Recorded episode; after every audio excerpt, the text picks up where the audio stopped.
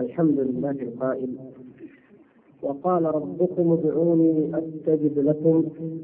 إن الذين يستكبرون عن عبادتي سيدخلون جهنم داخرين. وصلى الله وسلم وبارك على عبده ورسوله محمد القائل. إن الله حيي رحيم كريم. يستحيي أن يرفع العبد يده اليه ثم لا يضع فيها خيرا. وصلى الله وسلم وبارك على صحبه الكرام والتابعين لهم بإحسان الذين تعرفوا إلى الله تبارك وتعالى في الرخاء فتعرف الله اليهم في الشدة وسنوا لنا كيف نتضرع إلى الله ولا نغفل عن الله ولا ننسى ذكر الله في أي وقت وعلى أي حال. أما بعد أيها الأخوة الكرام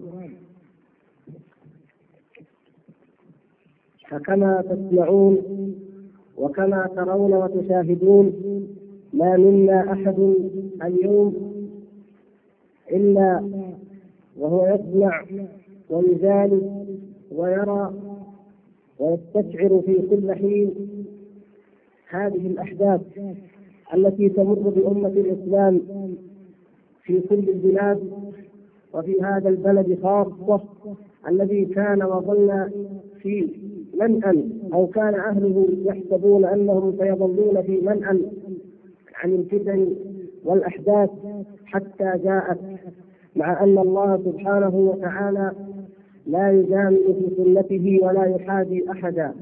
فله سنن ثابتة لا تتخلف. وقد ابتلانا قبل ذلك بالنعماء وابتلانا بالسراء ثم ها هي قد بدأت طلائع البأساء والضراء. ونسأل الله العفو والعافية. وليست المشكلة أيها الأخوة الكرام في أن البلايا تقع أو أن العذاب يقترب أو أن الفتن والمحن تموت. فهذا كل تاريخنا الإسلامي حافل به.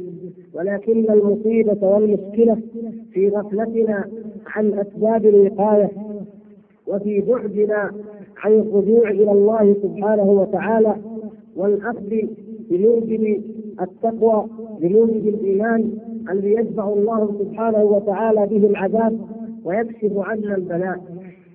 والله عز وجل رحيم وكريم وهو الغني الحميد ومن رحمته بهذه الأمة وهو الذي أنزل إليها الكتاب رحمة وبعث إليها نبي الرحمة صلى الله عليه وسلم أن بين لنا كيف نتقي عذابه وكيف نتجنب سخطه وكيف نأخذ بأسباب النجاة في أمر ديننا ودنيانا. وإن مما شرعه الله سبحانه وتعالى ومما جعله سببا بل هو من أعظم الأسباب لذلك الدعاء إلى الله والتضرع إلى الله سبحانه وتعالى والتوبة والاستغفار والإنابة. فنحن بهذه الأيام نحن أحوج ما نكون إليها وإن كان كل أحد محتاجا إليها في كل وقت وفي كل حين. لكن مع هذه الفتن ومع هذه الأحداث نحن أحوج ما نكون إلى أن الا ننسى ذلك. ولا سيما ونحن كما نرى من هذا الجمع الطيب المبارك الأخوة جميعا كلهم طلبة علم ولله الحمد وفيهم الدعاة والأئمة والخطباء وبهم تتأثر الأمة إن شاء الله وينتشر الخير فيها. فيجب أن ننشر هذا الحق وهذا الخير وأن نحب لإخواننا المسلمين ما نحب لأنفسنا. وأن نجتهد في دفع هذا البلاء عن الأمة ببيان أسباب الوقاية منه بإذن الله تبارك وتعالى. وهذا من أعظمها كما بين الله عز وجل. بل إن الله تبارك وتعالى جعل التضرع غاية. كما سمعنا في الآيات التي تلاها القارئ واتابه الله. وما أرسلنا في قرية من نبي إلا أخذنا أهلها بالبأساء والضراء لعلهم يضرعون وفي الآية الأخرى ولقد أرسلنا إلى أمم من قبلك فأخذناهم بالبأساء والضراء لعلهم يتضرعون إذا فالأخذ بالبأساء وهي الحروب والضراء وهي تعم الفتن والجذب والقحط وكل ما من شأنه أن يضار الناس لعلهم يتضرعون لعلهم يتضرعون. ذلك لكي يتضرعوا إلى الله سبحانه وتعالى. فإن الناس إن لم يعرفوا الله تبارك وتعالى في الرخاء فلا بد أن يتعرفوا إليه في الشدة. وإن من أعظم وأكثر الناس قسوة من أعظمهم غفلة وأكثرهم قسوة الذين لا يتضرعون إلى الله لا في الرخاء ولا في الشدة. ولهذا قال عز وجل في الأنعام فلولا إذ جاءهم بأسنا تضرعوا ولكن قست قلوبهم وزين لهم الشيطان ما كانوا يعملون. فلما نسوا ما ذكروا به فتحنا عليهم أبواب كل شيء حتى إذا فرحوا بما أوتوا أخذناهم بغتة فإذا هم مبلسون فقطع دابر القوم الذين ظلموا. والحمد لله رب العالمين. انظروا ايمان الله سبحانه وتعالى. أول الأمر أخذهم بالبأساء والضراء لعلهم يتضرعون. فلما لم يتضرعوا ولما قست قلوبهم انظروا كيف كانت العقوبة. فلما نسوا ما ذكروا به فتحنا عليهم أبواب كل شيء. فاستدرجهم الله سبحانه وتعالى. ومن هنا قال للمؤمنين لا يغرنك تقلب الذين كفروا في البلاد. للنبي صلى الله عليه وسلم لكل مؤمن لا يغرنك تقلب الذين كفروا في البلاد. هذا فتح من الله يفتح الله عليهم أبواب كل شيء. ثم في النهاية يكون الأخذ إن أخذه امير شديد فيأخذهم بغتة لأنه قد أنذرهم قد خلت من قبلهم المثلات قد جاءتهم النذر ولكنهم أعرضوا ونسوا ما ذكروا به. فعند ذلك يقطع دابرهم بأليم عقابه. نسأل الله العفو والعافية.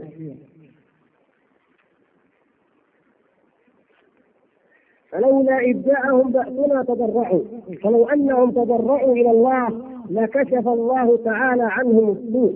ولهذا استثنى الله تبارك وتعالى من الأمم قوم يونس. فلولا يقول تعالى فلولا كانت قرية آمنت فنفعها إيمانها إلا قوم يونس لما آمنوا كشفنا عنهم عذاب الخزي في الحياة الدنيا ومتعناهم إلى حين. ذكر المفسرون من السلف رحمهم الله في هذه الآية أن قوم يونس خرجوا إلى الصعودات وجعلوا إلى الله سبحانه وتعالى خرجوا بأطفالهم ونسائهم ودوابهم وقيل إنهم ظلوا كذلك أربعين ليلة. وهم يستغيثون ويتضرعون ويدعون ويبكون ويستغفرون فكشف الله تبارك وتعالى عنهم العذاب في هذه الحياة الدنيا. وهذا من فضل الله سبحانه وتعالى ومن سعة رحمته. أما الذين يصرون ويعاندون ويستكبرون على الله ولا يتضرعون إليه ولا يريدون فإنه يأخذهم أخذ عزيز مقتدر. وهذا ما بينه في الأنعام وكما بينه أيضا في آيات الأعراف التي سمعتم القائل عندما قرأها. ويقول الله سبحانه وتعالى في في الأعراف ولو أن أهل القرى آمنوا واتقوا لفتحنا عليهم بركات من السماء والأرض. قارنوا هنا التضرع وهنا التضرع ولكن هنالك ذكر أنهم فلما نسوا ما ذكروا به فتحنا عليهم أبواب كل شيء. وقال هنا ولو أن أهل القرى آمنوا واتقوا لفتحنا عليهم بركات من السماء والأرض. وليس أبواب كل شيء ولكن بركات. والبركة في أي أمر هي خير هي خير ما فيه. الذي لا بركة فيه فلا خير فيه. وإن كان قليلا ولكن كذبوا فأخذناهم بما كانوا يكسبون. ثم قال عز وجل أفأمن أهل القرى أن يأتيهم بأسنا بياتا وهم نائمون. أي أمن أهل القرى أن يأتيهم بأسنا ضحى وهم يلعبون. أي ما المانع وما الموجب وما المقتضي للغفلة وللإعراض ولقسوة القلب ولعدم اللجوء إلى الله سبحانه وتعالى والتضرع إليه. أهو الأمن كيف يأمنون؟ والله سبحانه وتعالى قادر. والله تبارك وتعالى قوي. والله تعالى عزيز بانتقام كيف كيف يامنون ان يأتيهم بأس الله سبحانه وتعالى بياتا وهم نائمون؟ وكم من أمة جاءها ذلك البأس؟ فأخذهم الله سبحانه وتعالى مصبحين كما أخذ الله سبحانه وتعالى قوم لوط اليس الصبح بقريب فأخذتهم الصيحة مصبحين أو مشرقين. هكذا أخذ الله سبحانه وتعالى كثيرا من الأمم أخذهم بياتا أو مع الإشراق.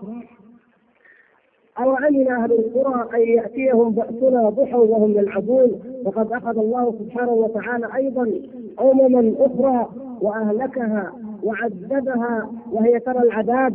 ومن ذلك ما ذكره الله سبحانه وتعالى عن قوم عاد فلما رأوه عارضا مستقبل أوديتهم قالوا هذا عارض ممطرنا نعوذ بالله من القسوة ومن الغفلة. حتى لما رأوا العذاب قالوا هذا عارض ممطرنا ما ظنوه إلا استمرارا للخير واستمرارا للعطاء والنعمة.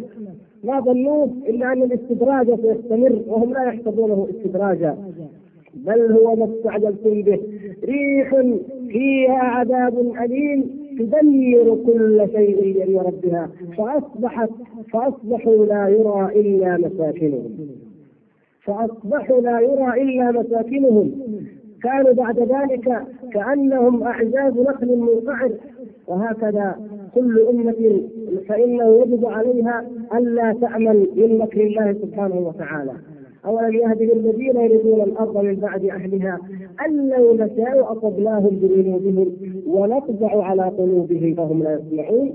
لا يصح ولا يجوز لأي أحد أن ينسى وأن يغفل وأن يكف عن التضرع إلى الله والتوبة إلى الله سبحانه وتعالى والأخذ بالأسباب الواقيه من عذاب الله وبالأسباب المؤدية إلى النجاة من انتقام الله سبحانه وتعالى.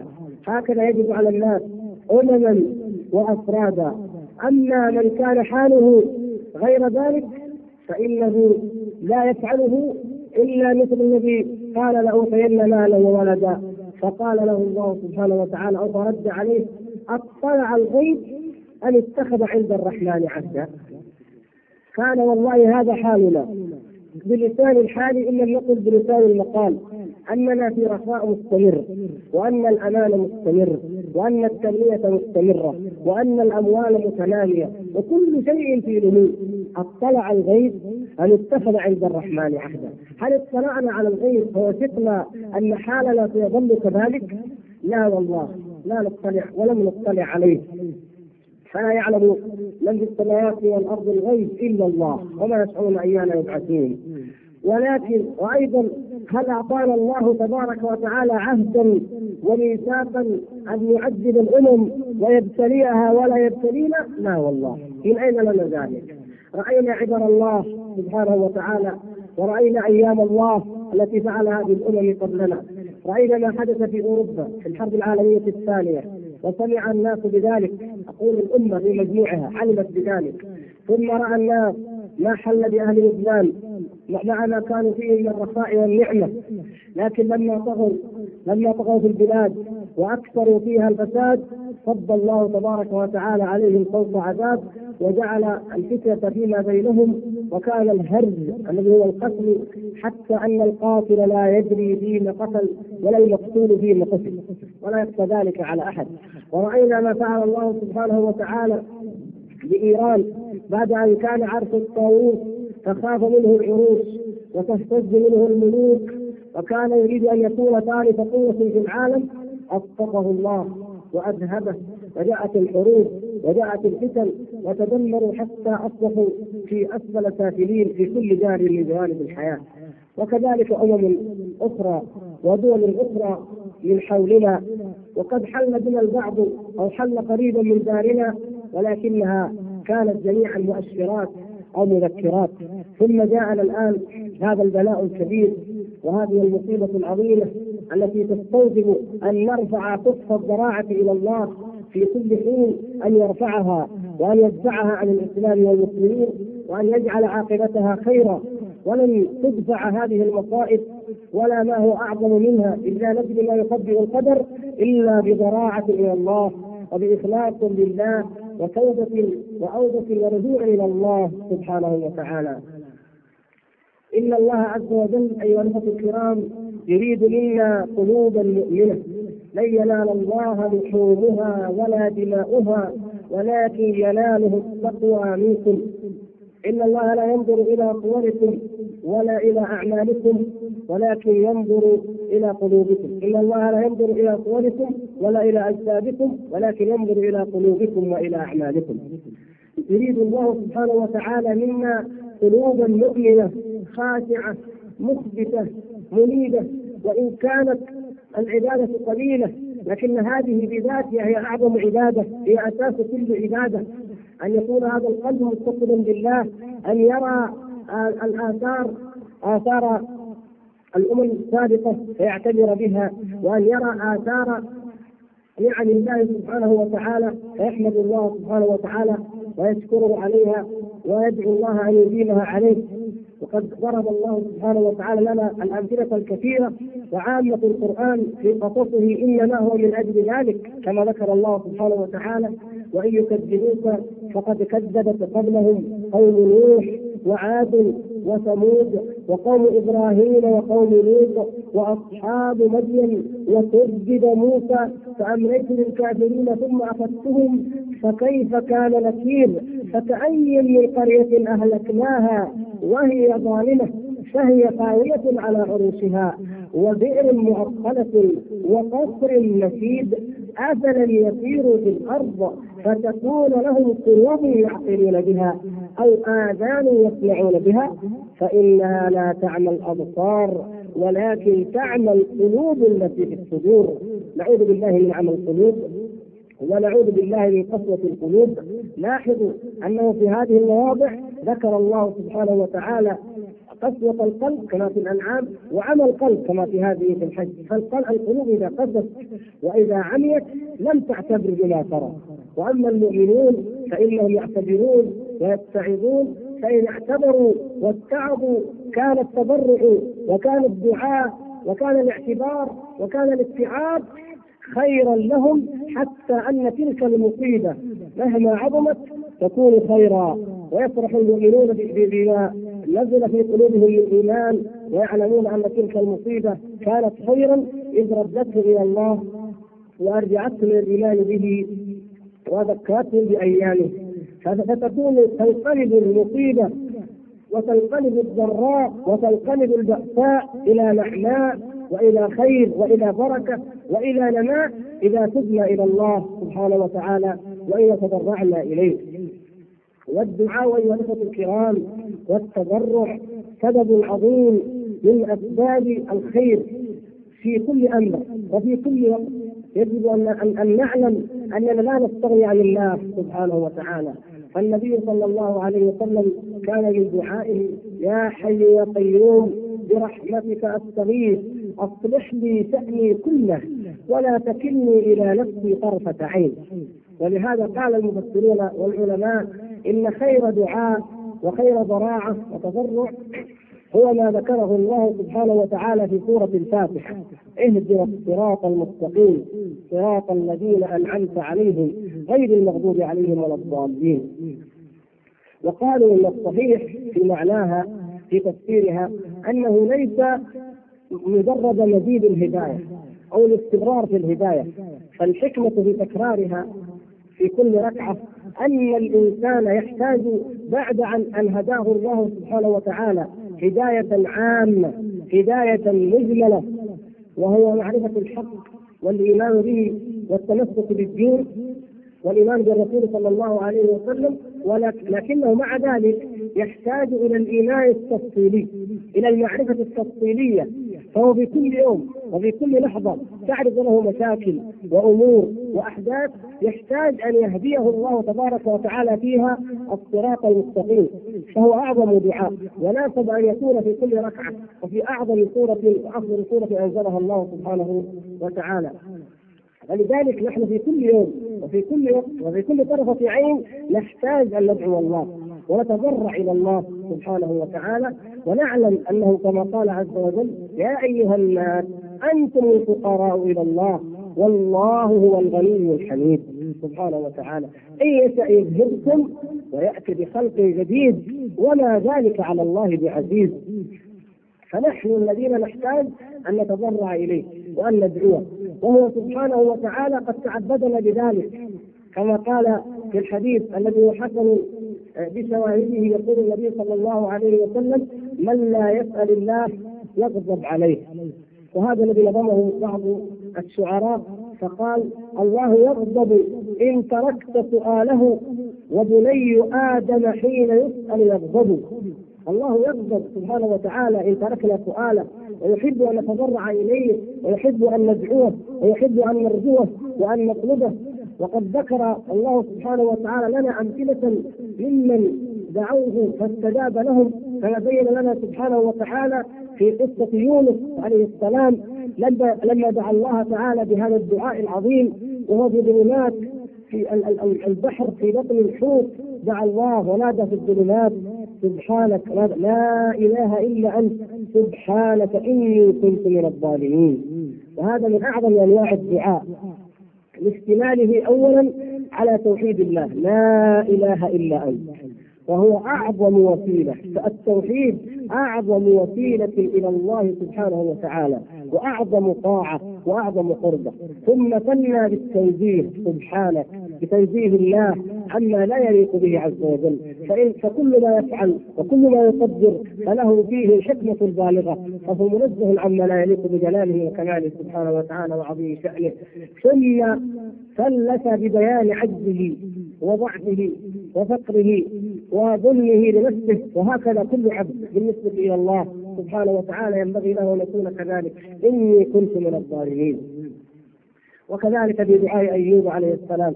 رب إني مسني الضر وأنت أرحم الراحمين. انظروا ما أوقف هذا الدعاء وما ارقه وما أخشعه إلى الله سبحانه وتعالى مع أن الجمل قليلة ولكن القلوب إذا دعت الله سبحانه وتعالى عن صدق وعن إخلاص وإن قلت العبارات فإن الله سبحانه وتعالى يستجيب لأولئك. فاستجبنا له وكشفنا ما به من ضر. وهكذا غيرهم. بل إن الله سبحانه وتعالى بين لنا أنه يغيث الكفار إذا تضرعوا إليه. ولهذا يقول ابن القيم رحمه الله كما في كتاب الفوائد التوحيد مفزع أوليائه ومفزع أعدائه. يعني التوحيد يلجا إليه أولياء الله ويفزعون إليه وكذلك يلجا إليه أعداء الله. فهو عقد النجاة أساس النجاه المعتصم التوحيد توحيد الله سبحانه وتعالى. فكما أن المؤمنين يوحدون الله ويدعونه ويتوسلون إليه بالتوحيد ليهديهم كذلك المشركون.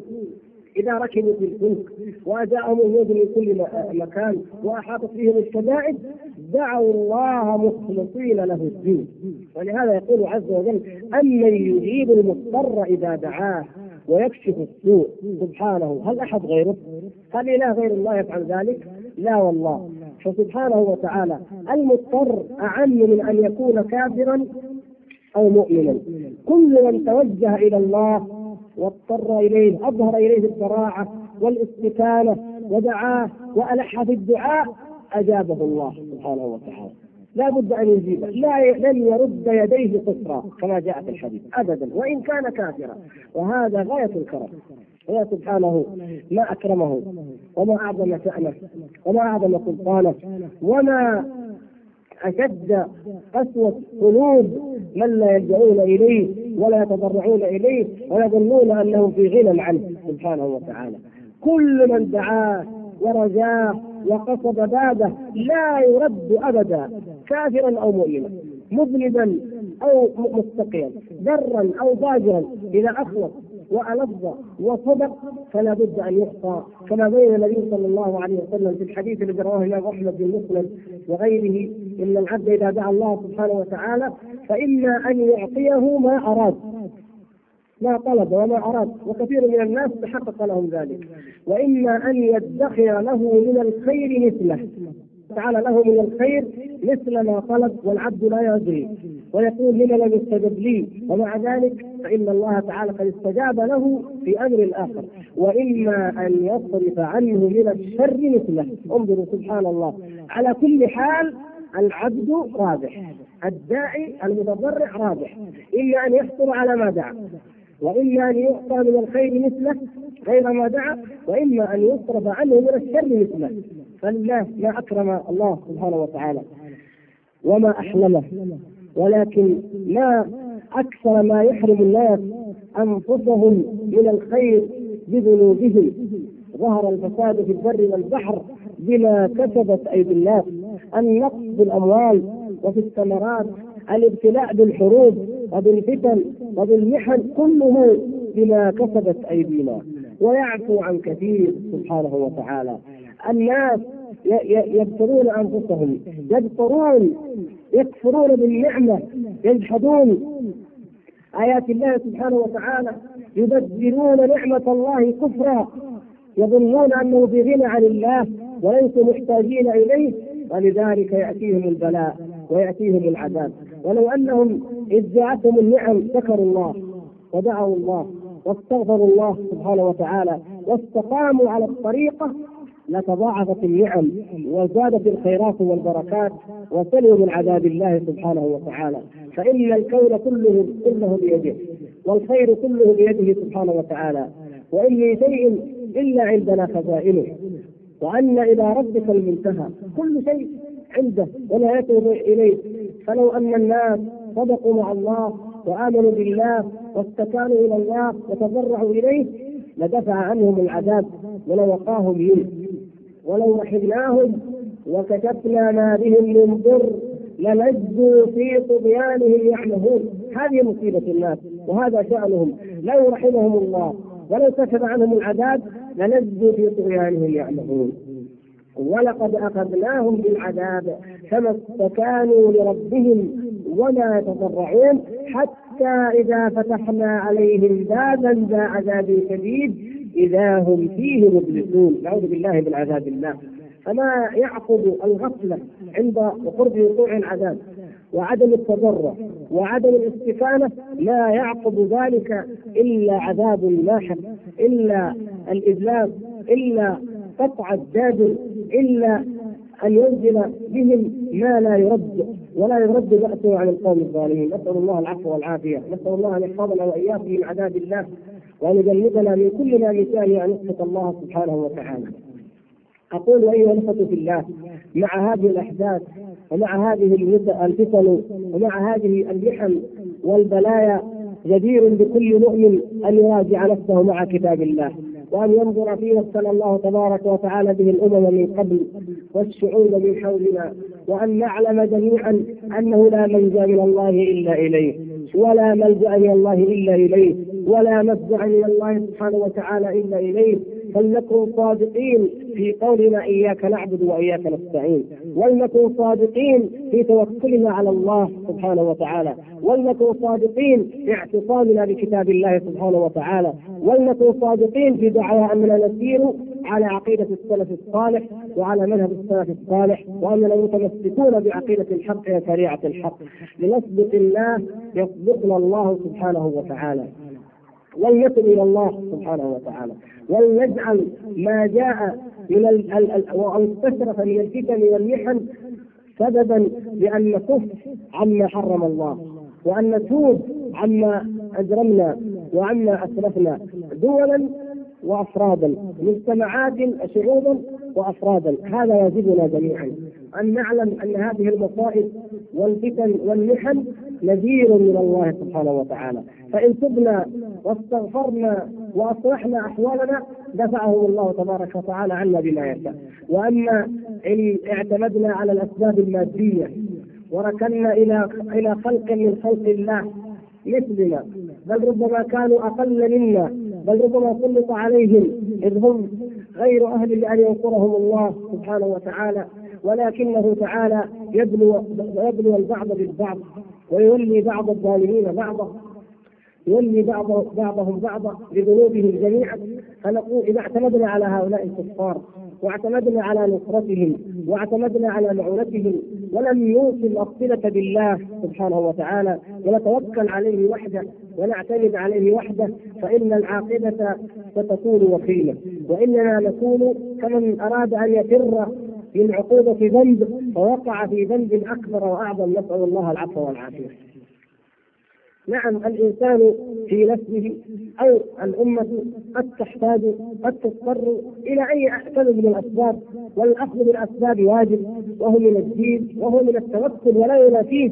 ولكن فرق بين أن نأخذ بالأسباب ونحن على إيمان وعلى يقين. وعلى إخلاص بالله سبحانه وتعالى وعلى توبة صادقة مع الله وبين أن نركن إلى الأسباب.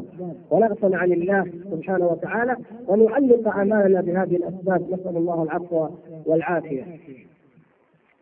أقول أيها الأخوة الكرام إن هذه الأحداث ليس فيها جديد بالنسبة إلى سنن الله سبحانه وتعالى. كلها تجري وفق سنن ثابتة دائمة. كلها كما ذكر الله سبحانه وتعالى. ولكننا نحن نغفل. نحن لا ننظر ولا, ولا نتأمل في كتاب الله ثم ننظر إلى واقعنا فنتوقع أن يكون ذلك الأمر. نعم قد لا, لا نعلم الغيب لا شك لا ندري أتكون أيكون الابتلاء بهذا أو بذاك بمن نراه صديقا أو من نحسبه عدوا نعم. ولكن يجب أن نتوقع الابتلاء ونتوقع العذاب والمصيبة ما دمنا في هذه الذنوب والمعاصي التي لا أرى حاجة أن أعددها وأذكرها فهي ملء السمع والبصر ولا تخفى على أحد منا ونحن إن شاء الله تعالى بحول الله وبقوته إن شاء الله في يوم الثلاثاء القادم في مركز ذكر إن شاء الله نتحدث عن هذه الفتنة بشيء من التفصيل في واقعها الحالي. ولكن مثل هذا اللقاء الطيب المبارك أحب أن يتركز على القضية الأساس القضية التي يجب أن لا ننساها أن ذنوبنا هي السبب أنه ما وقع بلاء إلا بذنب ولا رفع إلا بتوبة وأن أسباب النجاة بين أيدينا وأن رحمة الله تبارك وتعالى بالمؤمنين ولله الحمد غير غائبة غير غائبة عنا ولكن علينا أن نأخذ نحن بهذه الأسباب.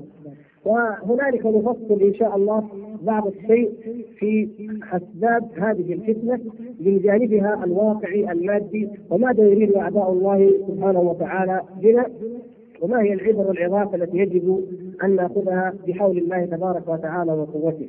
وأرى الوقت الآن يتسارع ويضيق فلنترك المجال لما لديكم من أسئلة وأسأل الله تبارك وتعالى لي ولكم اليقين والإخلاص والصبر والثبات إنه سميع مجيب طيب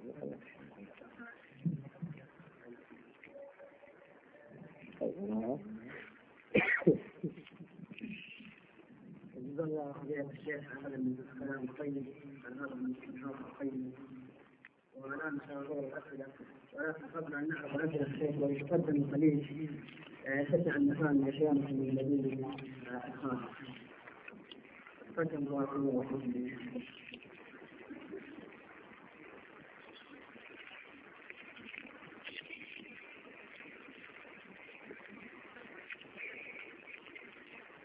أخ يقول ما هي أسباب التضرع إلى الله؟ ذكرنا أن الإنسان في كل وقت محتاج إلى أن يدعو الله ونتضرع إليه. ولعلنا لو رجعنا إلى المعنى اللغوي للتضرع يفيدنا في معرفة المعنى الشرعي.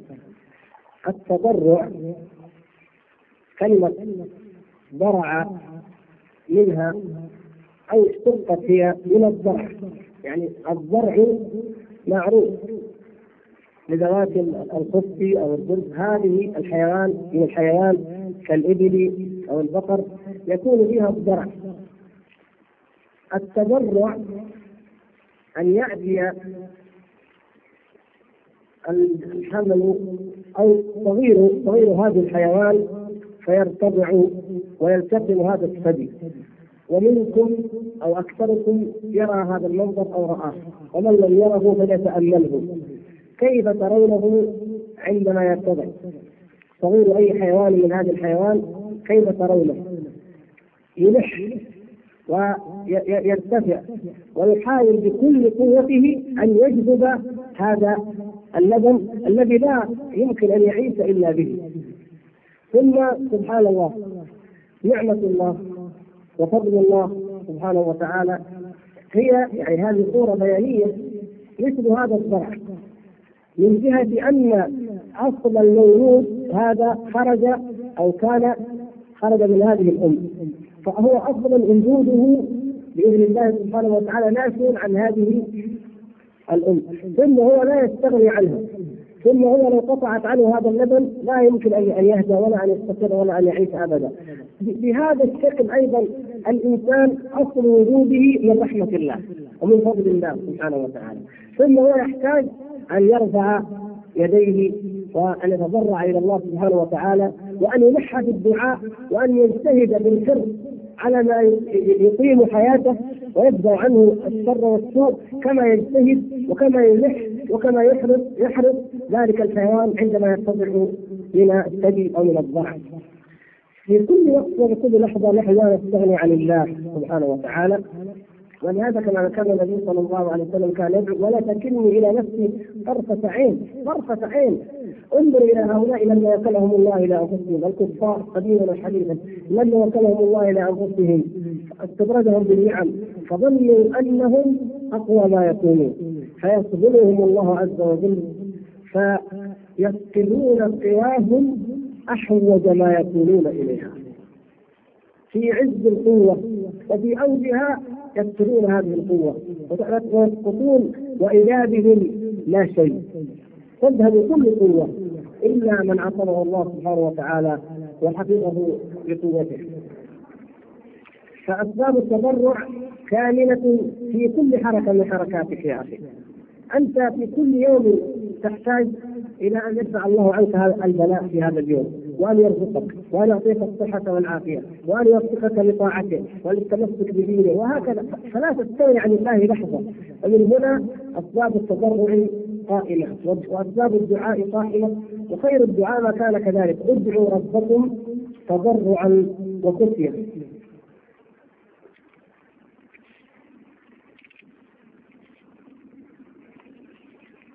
يقول الاخ واحد في هذه الأيام قلة التصدق على الفقراء فلم تعد هناك اموال تذهب إلى المسلمين في إفريقيا وأفغانستان وغيرها فهل ذكرتم الناس بالتصدق؟ أحسن الله إليك. نعم. من أعظم ما يدفع الله تعالى به العذاب الصدقة. اتقوا النار ولو بست تمرة كما قال صلى الله عليه وسلم. وهي من أفضل الأعمال. فإنها تبطئ الخطايا. ويدفع الله تعالى بها البلاء. ولا شك أننا في بلد أنعم الله سبحانه وتعالى علينا فيه بنعم عظيمة. ولو تذكرنا حال الأمم والشعوب الأخرى لعجبنا نحن هنا حتى اضرب لكم مثالا أننا لا نتضرع. قليل من الناس هنا أو من نعرف على الأقل من يتضرع إلى الله كل يوم أن يطعمه وأن يسقيه. ما نسأل الله ذلك، لماذا؟ لأن الطعام والشراب والأكل هذا والحمد لله عندنا أمر وكأنه لا يحتاج إلى دعاء. متوفر ونظن أنه لا نحتاج. أو قد يقول الشيطان اننا لا نحتاج الله تعالى فيه. تعالى الله عن ذلك كأنه بوفرته فهو مثل الهواء.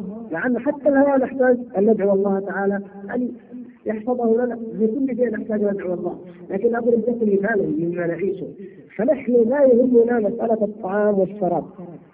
وإنما أكثر الناس همومهم مثلا في العمار في البناء في رقي في وظائف في زيادة المال في كذا.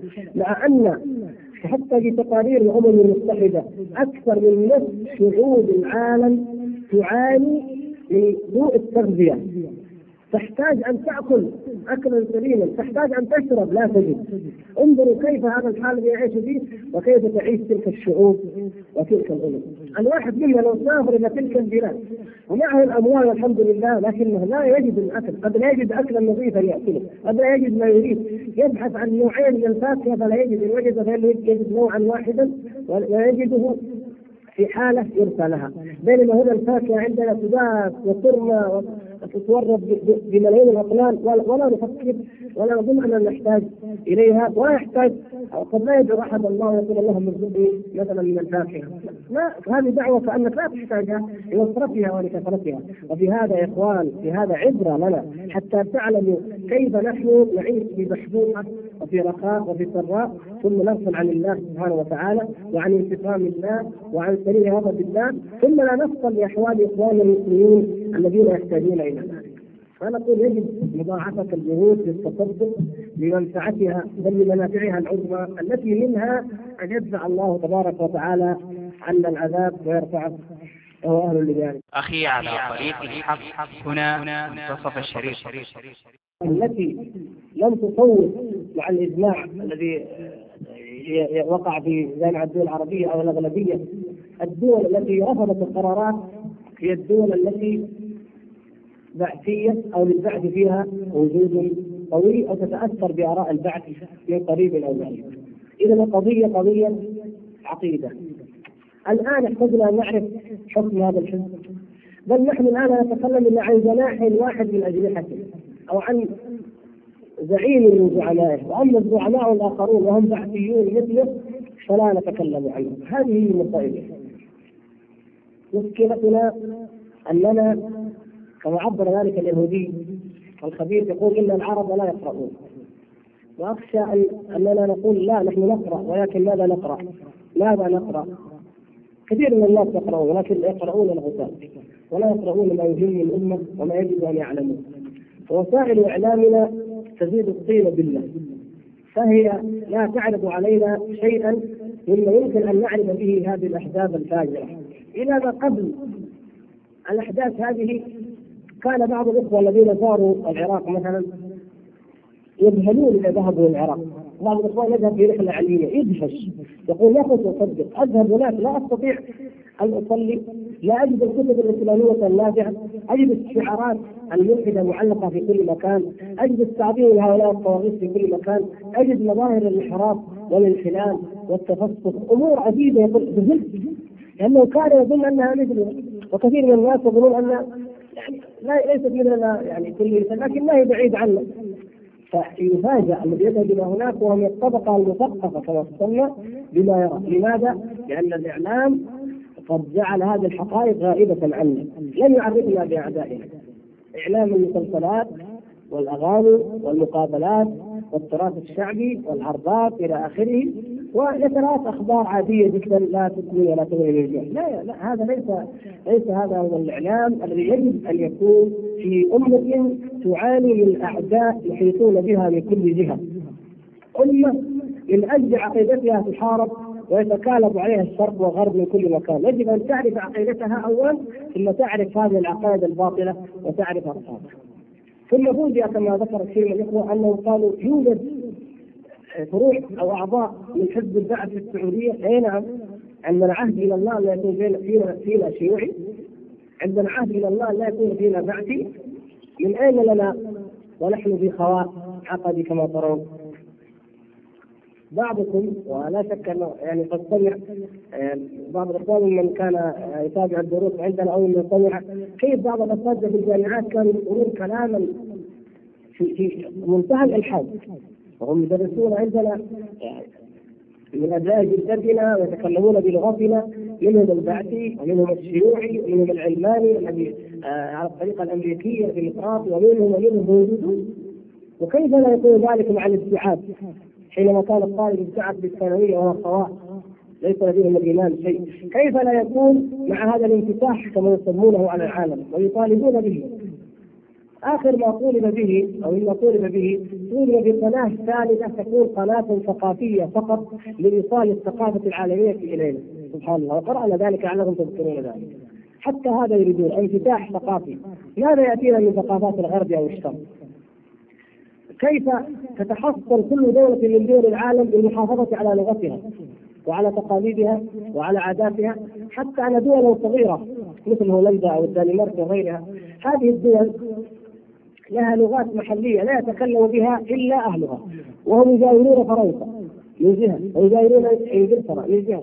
وهاتان أعظم لغتين في العالم الإنجليزية والفرنسية. ومع ذلك هذه الدول وهي أوروبية ونصرانية وتتفق مع اولئك في سياستها وفي أمورها كلها وسوف تتوحد معهم أيضا لتكون دولة واحدة. ومع ذلك يحرصون على أن لا تتسلل إليهم الأفلام الإنجليزية أو الفرنسيه أو أن تؤثر فيهم الثقافة الفرنسية والإنجليزية ليحتفظوا بلغتهم وبآدابهم وبتاريخهم وهو محدود جدا. فيا سبحان الله. هذا حالهم وهم هم الكفر وهم كلهم على دين واحد.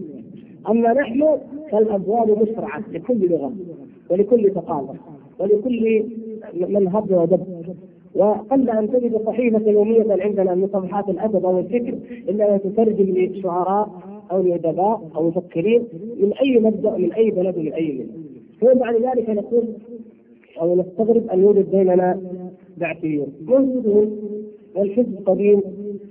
بل أنا احيلكم إلى كتب الشيخ أحمد محمد باشمين نسأل الله سبحانه وتعالى أن يختم له بالخاتمة الطيبة وأن يكفيه من سريع مجيب وأن يجهد مريض في آخر عمره. هذا كان كان يصارع وحده ويجول وحده في ميدان ولم يكن معه إلا الله سبحانه وتعالى كانت له كتب مثل لهيب الصراحة وأيضا كتب أخرى كلها تتكلم أو بمجملها تتكلم عن هؤلاء البعثيين وعن هؤلاء المجرمين وتتكلم عن بعضهم وأنهم كانوا ينشرون فكرهم هنا وكانت لهم بعض الصحف تصدر في المملكة هنا. نعم فلهم وجود وكان لهم بعض المدارس في الرياض مشهوره يعني لما أذكر لما كنت في الرياض وأنا في الابتدائية كنا نعلم أن إحدى الثانويات في الرياض هذه بعثية للبعثيين وكانوا يحاولوا يخرجوا منها مظاهرات. وأحداث يعني بل قد اخرجت مظاهرات في فترة ما في شركه ارامكو أخرجوا مظاهرات في الظهران. وأنا أذكر وأنا كنت في تلك الأيام أيضا في المنطقة الشرقية وأنا صغير. ثم فيما بعد قرأت عنها بشكل أوسع. كانت موجودة البعثية والناصرية وكلهم يدعون القومية العربيه والاشتراك الافكار الاشتراكية.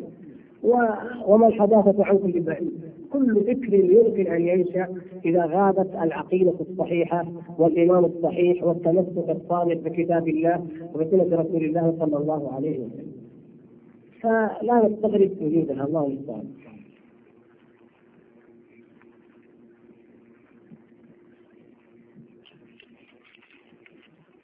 ما هو دور الشباب المسلم في هذه الأحداث؟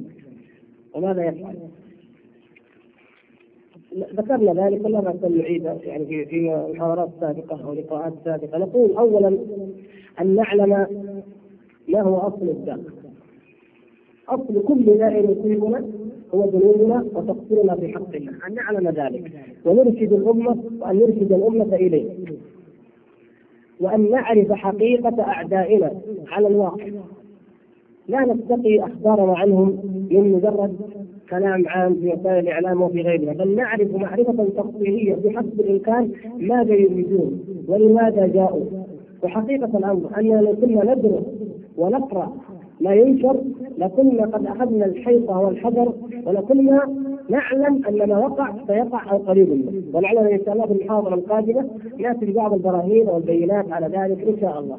أقول يكون عندنا قراءه واطلاع واسع على الواقع بحقيقته، واقع هذه الأحزاب الكافرة، واقع الدول المجرمه أيضا في الشرق والغرب، وماذا تريد لنا، وماذا يفعل الكفار للتخطيط لتحقيقه في بلادنا، نكون أيضا على بصيرة من ذلك، وأن نبين الحق للناس، ولا تأخذنا في الله لومة لائم بل نقول لكل احد يا إخوان الناس مشكلة المسلمين اليوم أن خطيب الخطيب يوم الجمعة إذا خطب. أو الواعظ إذا وعظ أو المحاضر إذا حاضر أو المذكر إذا ذكر وتكلم عن الذنوب والمعاصي كل إنسان يظن أن غيره هو المعني بهذا الخطاب. وهذه مشكلة. فإذا قيل المجرمون الظالمون المفسدون المقصرون في طاعة الله أكثر الناس يتصور أن المقصود غيره.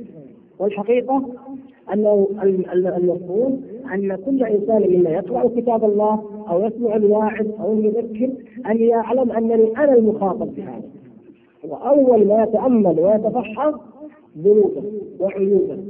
وأن يعرض نفسه وأعماله على كتاب الله وعلى سنة رسول الله صلى الله عليه وسلم. فلو بدا كل إنسان بذلك؟ ثم ثنى بمن يستطيع من اخوانه وأقربائه لوجدنا الخير ينتشر بإذن الله سبحانه وتعالى. أما أن يجعل الحق كما يفعل بعض الناس على ناس معينين يقولوا على الحكام. وناس يقولوا على العلماء.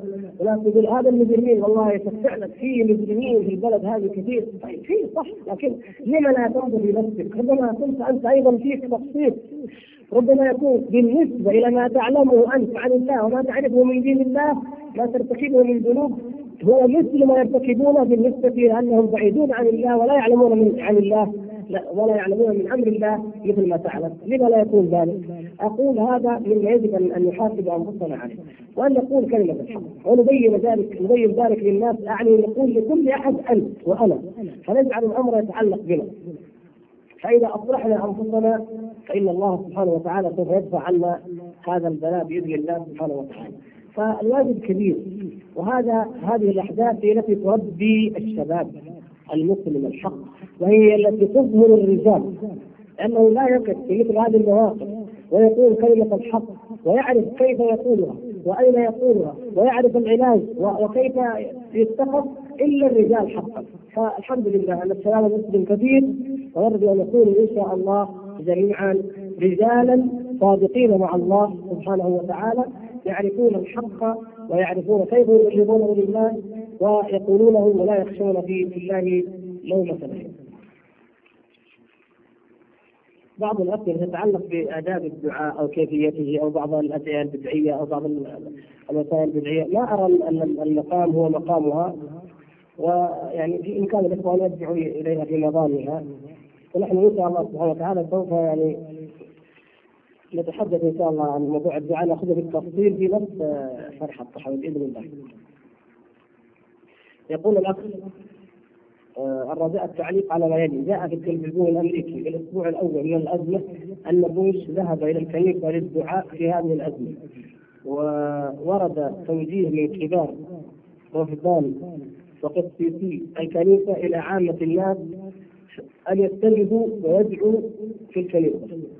يشاهد عينه الاخ يقول انه شاهد بعينه ذلك. ويقول وكذلك رأيت هنا في الأخبار أن تاتشر كانت في الكنيسة ثم عمل لها لقاء صحفي وقالت بشدة إن صدام دكتاتور يجب أن نتخلص منه.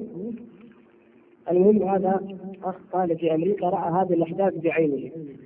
لا غرابه في ذلك. يعني هم كما ذكرنا الله سبحانه وتعالى لا يستغني أحد عنه.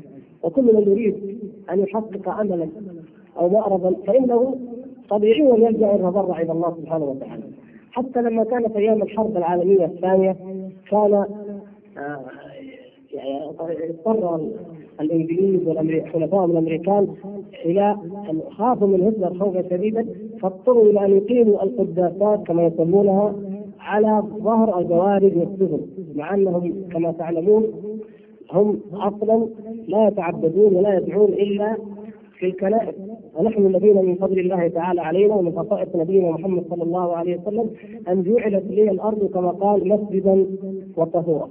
اما هم لا يصلون إلا في كنائسهم ومع ذلك قالوا نصلي على ظهور الدوارد والبواخر ونتضرع وندعو الله حتى يكشف عنا آه، هتلر عذاب هتلر. في هذه الازمه أيضا يقع منهم ذلك ولا يستغرب. الغريب هذا الذي نحن نستغربه حقا أننا نحن لم نتب ولا نتضرع إلى الله سبحانه وتعالى.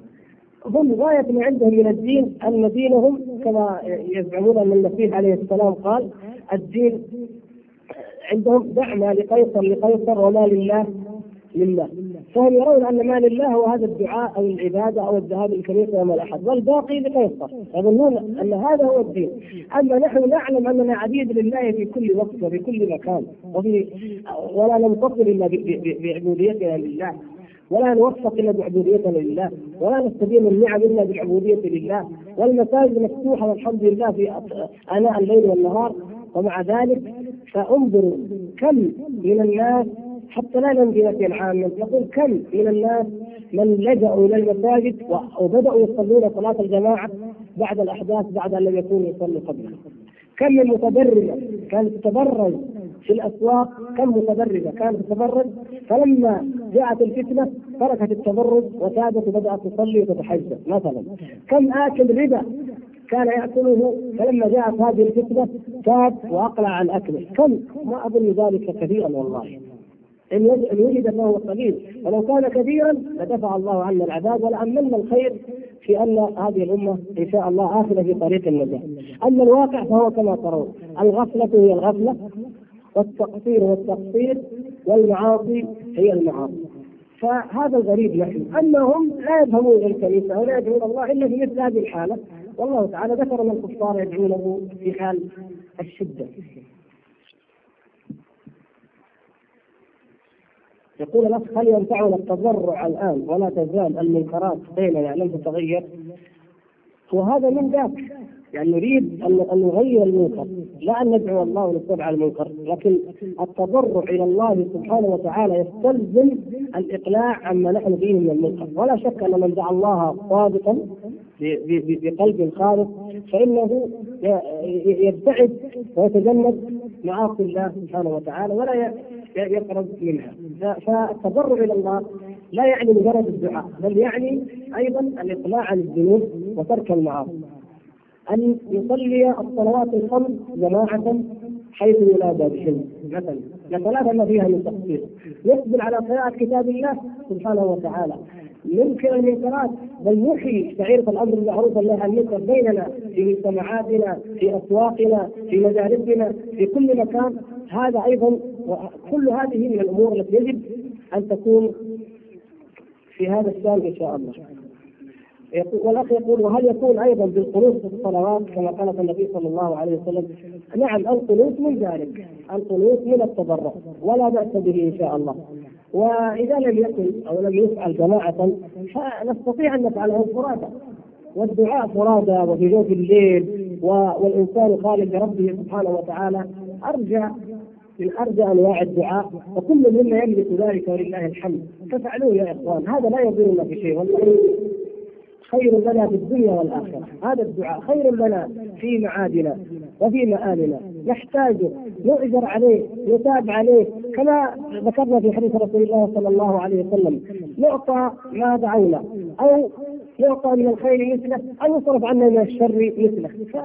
كله خير الدعاء كله خير وكله بركة. فإذا دعونا الله فلنستحي بطبيعة الحال أن نعصيه وأن نفعل أو أن يفقدنا حيث أمرنا ونجدنا حيث نهانا.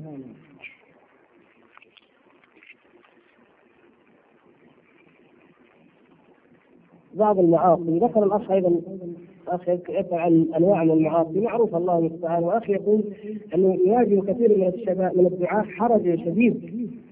يواجه كثيرا يعني. حرج شديد عند رؤية منكر وتكون المرأة طرفا فيه. مثل أن يرى امرأة تصير متبرجة وهناك من يسير خلفها من أهل السوء إلى آخر هذه المشاهد السيئة. فكيف السبيل لإنكار هذه المنكرات بالطريقة الصحيحة؟ مع أننا نقول بضرورة المبادره إلى الامر بالمعروف والنهي عن المنكر وأنه من أعظم أسباب الوقاية من العذاب فإن ذلك لا يعني أن نتسرع في أي بأي إنكار وبأي وسيلة لا. لكن نأخذ كل شيء يأخذ له أسبابه وطريقه الصحيح ونعالجه بالحكمة. الحكمه وضع الشيء في موضعه. ومن ذلك اننا نبدا نفكر في اسباب صادقة وجادة وبعيدة المدى في إنكار هذه المنكرات فليس بالضرورة أن تستثار أعصاب الشاب أو حمية غيرته لهذه المرأة بالذات. لكن ممكن نفكر كيف نتبع المنكر من مصادره أو المنابع. الآن أمامنا منكر عظيم جدا. يجب أن نتنبه له. التبرج التعري الذي كان في أسواقنا مع قلة عدد الكفار الموجودين بالنسبة إلى مجموع السكان. الآن سيكثر بمجيء هؤلاء اما يكون من ضمن القوات أو من المطالبين لها أو مما قد يسهل لهم أيضا المجيء بلادنا أكثر. أقول سينفتح ابواب للانصراف أيضا أكثر. فلتكن نظرتنا أبعد من مجرد أن أنكر على هذه المرأة في السوق وإننا نفكر كيف يمكن أن نغير هذا المنكر من اساسه ولا سيما الإخوة الدعاء الذين لديهم الحمد لله الفكر وبعد النظر. وأيضا لا يعني ذلك أن لا ننكر على أي امرأة مفردها. فلنجتهد في ذلك. نجتهد وعلى أي حال لابد أن نتوقع الأذى. وأمر بالمعروف وانهى عن المنكر واصبر على ما أصابك إن ذلك من عزم لابد من الصبر. الصبر يقوم بالأمر بالمعروف والنهي عن المنكر.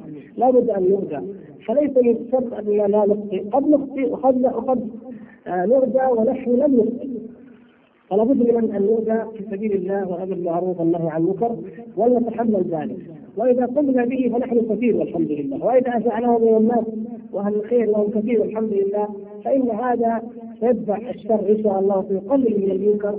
ولا لم يكن فيه إلا الإعذار إلى الله لكان ذلك أمرا عظيما وخيرا كثيرا.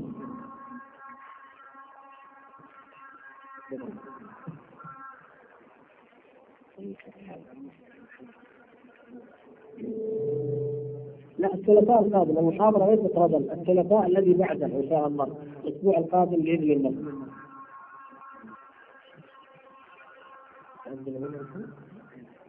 طيب الأخ يقول يؤذن هنا ويصلى هنا يقول الأخ ما أثر هذه الأحداث على مسيره الصحوه الاسلاميه؟ وهل هناك من إيجابيات نستشعرها من هذه الأحداث؟ اثرها على مسيرة الصحوه بالنسبة للكفار أو لأعداء الإسلام. لا شك أنهم يريدون أن يقضوا على هذه الصحوة وأن يذلوها وأن يفردوها أو يستفردوا بها عن الأمة. لذلك فلنتوقع ضعفا ولو مؤقتا في مسيرة الشباب. الارتباك الحاصل بين الشباب الخلاف الحيرة الدائرة بينهم في التعامل مع هذه الأحداث. كل ذلك يعيد مسيرة الصحوة. وقد يكون الأمر أكبر من ذلك أيضا قد يعني يؤذى بعض الدعاة عموما على مستوى الأمة. وهذا شيء نسأل الله لنا ولهم العفو والعافية. وأما الإيجابيات فأنا أرى أنها أكبر وأعظم من السلبيات بشرط أن يعرف الدعاة موقعهم بالأمة. وأن يتقوا الله وأن يقوموا بالله الذي أمرهم الله سبحانه وتعالى به وأن أن لا يتخلوا عن واجبهم وعن مسؤوليتهم وعن يجب عليهم ويكلوه إلى غيرهم. إذا أحسننا التعامل مع الأحداث والإفادة منها فأنا أؤمن خيرا كثيرا فيها لأنه ما من حدث وقع في الأمة الإسلامية من قديم إلا وكان خيرا والحمد لله لما جاء التتار كان خيرا يعني شيخ الإسلام ابن تيمية رحمه الله ولا نعني شخصه بل من كان معه من أهل الخير والعلماء وأهل السنة جميعا لم تظهر قيمتهم وفضلهم ويلتف الناس حولهم الا لما جاءت فتنة التتار وجاهدوا في الله سبحانه وتعالى حق جهاده. نعم كانوا كان لهم خير وفضل لكن نقول ذلك مما أظهرهم الله تعالى به. نور الدين وصلاح الدين رحمهم الله وأمثالهم ظهروا بهذه الأمة لما اشتدت الازمات. فظهر أولئك الرجال الذين توكلوا على الله وجاهدوا في سبيل الله فنصرهم الله. فنحن نتوقع أنه كلما اشتد الظلام فالفجر قريب. الآن نحن في ظلام حالك. في أو على الأقل في بداية ظلام الحالك لا يعلم مصيره إلا الله سبحانه وتعالى، لكن نقول إنه بإذن الله تعالى سينبثق من هذه الأمة شباب يؤمن بالله ويجاهد في سبيل الله ويعيد الحق إلى نصابه وينصره الله سبحانه وتعالى على الكفار مهما تألفوا ومهما تكالبوا بإذن الله سبحانه وتعالى. وهذا لا شك لدينا فيه وهو مصداق لما أخبر به النبي صلى الله عليه وسلم وما وعد الله تعالى به الطائفة المنصورة. يقول الأخ نلاحظ أن هم الناس الآن منصب على قضية العراق والكويت ونسوا قضية أفغانستان وفلسطين بعدما كانت همهم الأكبر. آه نحن المؤمنون جسد واحد. إذا اشتكى منه عضو تداعى له سائر الجسد بالحمى والسهر فنحن لا ينبغي أن يشغلنا قضية عن قضية وإن كان بعضها أهم من بعض بلا ريب. ولكن واقعنا لضعفنا وتفرقنا وقلتنا قلة لا نعني الغثاء كثير لكن قلة من لديه بصيره هذا من اسباب أن الأمة تشتغل وتتلهى بقضية عن قضية ولذلك أصبحت كالكره يتراماها الأعداء. فكلما انصرفوا إلى قضية شغلوهم بقضية أخرى. لا شك أن ما جرى في في, الكويت أمر كبير وخاصة أنه قريب منا.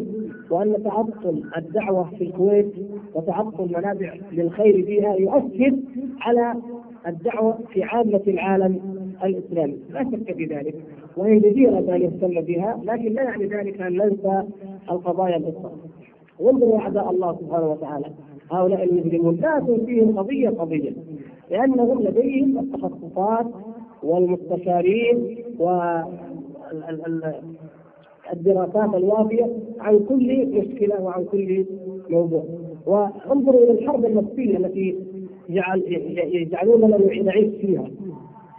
رئيس الدولة باجازه ونائبه باجازه وزير الدفاع باجازه شيء عجيب جدا.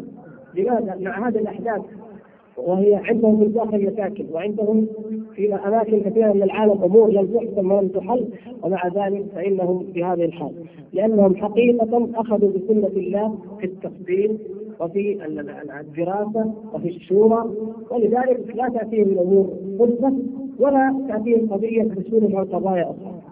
الجوانب الاقتصاديه لها حسابها والجوانب العسكريه لها حسابها والجوانب السياسيه لها حسابها و المواطنون بنيجيريا لا ينسون ولا يشتغل عنهم من أجل المواطنين في العراق مثلا. ووحدة ألمانيا. هناك أيضا الوحدة الأوروبية ومشكله الين ومشكله مشاكل كثيره وكلها تدرس وكلها على مستوى واحد وتنال حظا من الاهتمام كافيا. وإن كانت قد لا تناله من الإعلام لأن الإعلام يستأثر بآخر القضايا. نعم. إلا نحن مع الأسف الشديد. ابدا. يعني إذا جاءتنا قضية شغلتنا عن الاشرار وخير مثال أو الأمثلة توضح ذلك ما ذكره مالك بن نبي رحمه الله عندما ذكر أن حال هذه الأمة مثل مثل مصارعه الكرام. يعني الأمة فيها قوة فيها مقاومة فالغرب جعلها كالثور الذي يصارع ذلك القطعه الحمراء الكمال فيتلاعب به كما يشاء. ينهك جهده ينهك قوته دون ان يثمر شيئا. فيطعنه في الأخير ويخر صريعا ويموت. هكذا يفعلون بها يرون اننا نستنكر أن مشاعرنا تدور وعواطفنا تستنزف فيجعلون أمامنا قضية تستهلك الكل. واذا جاء أحد يذكرنا بغيرها قيل له. ينظر إليه مطلقا لأنه لا يمكن اياه تنسون أيام الجهاد الأفغاني، كان بعض الإخوة بعض الدعاة يقولون يا إخوان لا تنظروا فقط إلى أفغانستان، القضايا كثيره، الأخطار محدقه، المصائب من كل جهة، تهتموا ببناء يعني بنية قاعدة للإسلام في هذا البلد، هذا البلد والاساس هذا المنطلق لا يسمع. بل يقال هذا تكبير. وما يستهدف هذا تكبير أو تخبير فلما وقعت الواقعه هنا ولذلك يقال كل الذين هناك يأتون هنا وينسى أولئك. لا, لا هذا ولا هذا. يجب ان تكون مواقفنا دائما متزنه ومحسوبه ومدروسة، الحمد لله المال وفير ونستطيع ان نعطي هنا وهنا. الإعانات يعني الإغاثة، كذلك الطاقات الحمد لله لو وجهت ونظمت وركبت كثيره والحمد لله.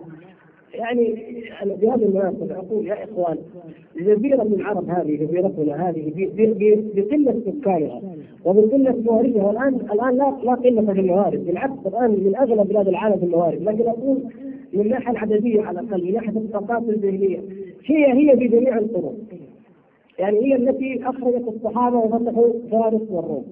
وهي التي قاومت الصليبيين وقاومت التتار وقاومت نفس البقعه ونفس المنطقة. فما هناك يعني الآن نقص في العدد بل بالعكس هناك زيادة في المال مع أن العدد هو هو. لو وجدت الطاقات والجهود في هذه الامه فقط في داخل بل لا نقول جهود العرب كلها بل فقط المملكة. لو كل الجهود التي فيها أصبحت لله مسخره لوجه الله في الإعلام وفي الجيش وفي كل القطاعات كلها من الرجال المؤمنون توبة صادقة إلى إلى إلى الله سبحانه وتعالى، استقامة صادقة على أمر الله سبحانه وتعالى، كف عن كل ما حرم الله، توعية مستديمه وشاملة بالعقيدة الصحيحة وبالإيمان الصحيح وعلى أعداء الله سبحانه وتعالى والله نغير العالم. نحن نغير العالم كله ونهزم العالم كله بإذن الله سبحانه وتعالى. ما هي قضيه عدد. لأن فينا والحمد لله من الطاقات ولله الحمد والفضل منه يعني معدن خير لا لا ينضب باذن الله في جميع العصور معدن خير في هذه البلاد. انظروا الآن مع الغفلة التي يعني أكثر الناس سابقون فيها. توجهت بعض الطاقات من الشباب هذه الأمة إلى مجالات فتفوقت على أهلها في بلادهم. مجالات يعني الاكتشاف أو في البحث العلمي. كذلك لما توجهت إلى بعض المجالات الجهاديه فعلت ما لم تفعله أي بلاد أخرى. لما توجهت إلى مجالات علمية.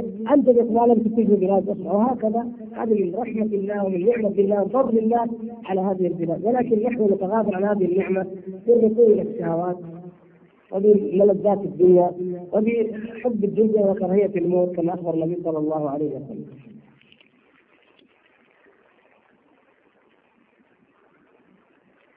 يقول الاخ إيش؟ في جريده الشرق الأوسط عدد أيام السبت الماضي قبل امس ذكر في الصفحة ما قبل الاخيره موضوعا وخبرا صغيرا بمعناه انه قام كثير من الفنانين في مصر في القاهرة بعمل فيلم يتكلم عن الأزمة وعن السبب الذي قامت من اجله الأزمة وهو التطرف.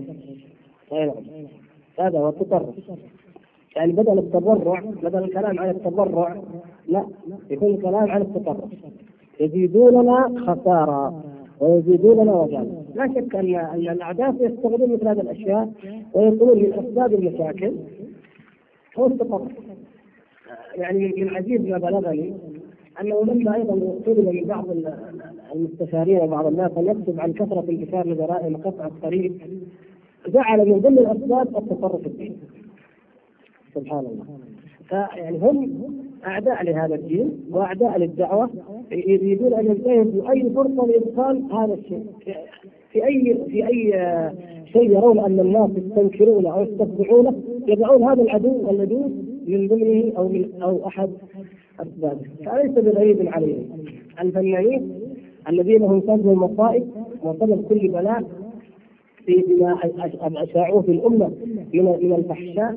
اللهو ومن الغفله عن الله سبحانه وتعالى في التلفزيون في الصحافة في المجلات. استاثروا بحديث حتى أن كما قال بعض الوزراء أو الشعراء من الوزراء يقول يعني أصبح الحكام يغضبون الفنانين ولاعبي الكرة على هذه المكان التي يحصل عليها عند الناس. ومع ذلك يعني هم الذين يرسخون جذور الفتنة والبلاء. واسباب النقم والعذاب في الأمة. ثم بعد ذلك ياتون ويقولون إن التطرف والسبب وإذا جاءنا عند التطرف ما يقولون تطرف حزب البعث أو تطرف المفسدين في فسادهم يعنون به وجود هذا الشباب المؤمن الطيب الذي أكثره كما هو الحال في أول بدايات التمسك. اللهم إنه اعفى اللحيه ورفع الثوب قليلا عن عن الكعبين. فقالوا متطرف وهو سبب كل مشكلة في هذه الدنيا ولا حول ولا قوة إلا بالله.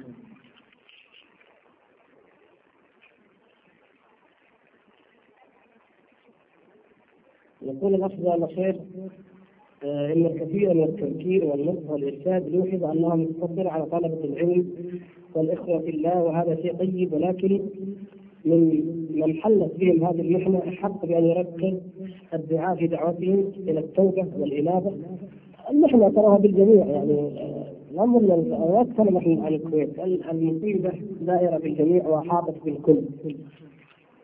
إنما كلام الغد في محله لأن من يعني هؤلاء الذين احاط بهم المحنة احق بان يركز يركز الدعاء بدعوته إلى التوبة والإنابة بكل حرب و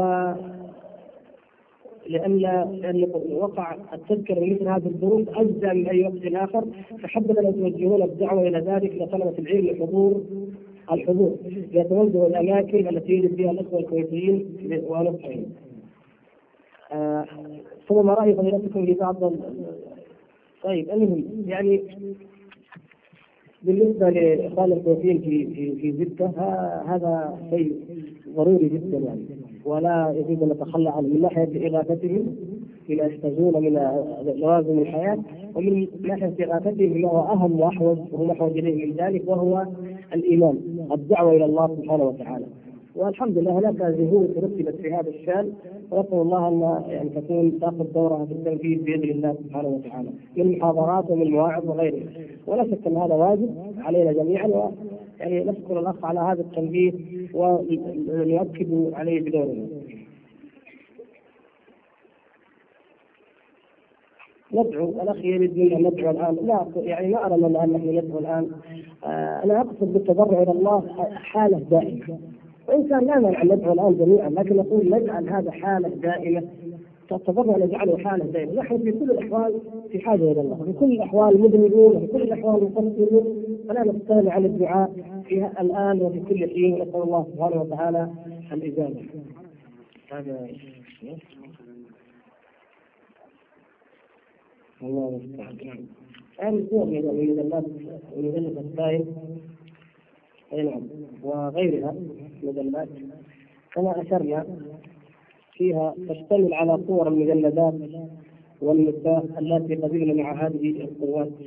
وهذه من المصائب نسأل الله سبحانه وتعالى أن يرفع ويدفع عنا هذا البلاء. هذا بلاء على بلاء. وجود وقدوم هؤلاء لا شك أنه بلاء. هؤلاء النساء بالذات. لأن كما تعلمون وكما هو واضح واقع في وجود القوات الأمريكية دائما في أي بلد في بانكوك في أيام حرب فيتنام وفي غيرها أنا أقول يجب أن نعرف هذا لأن بدهي من الأمور البديهيه التي إن نازعنا فيها أحد فقد كابر في البديهيات. الإنسان الأمريكي مستحيل أن يستغنى عن الخمر وعن الزنا وعن المخدرات أيضا.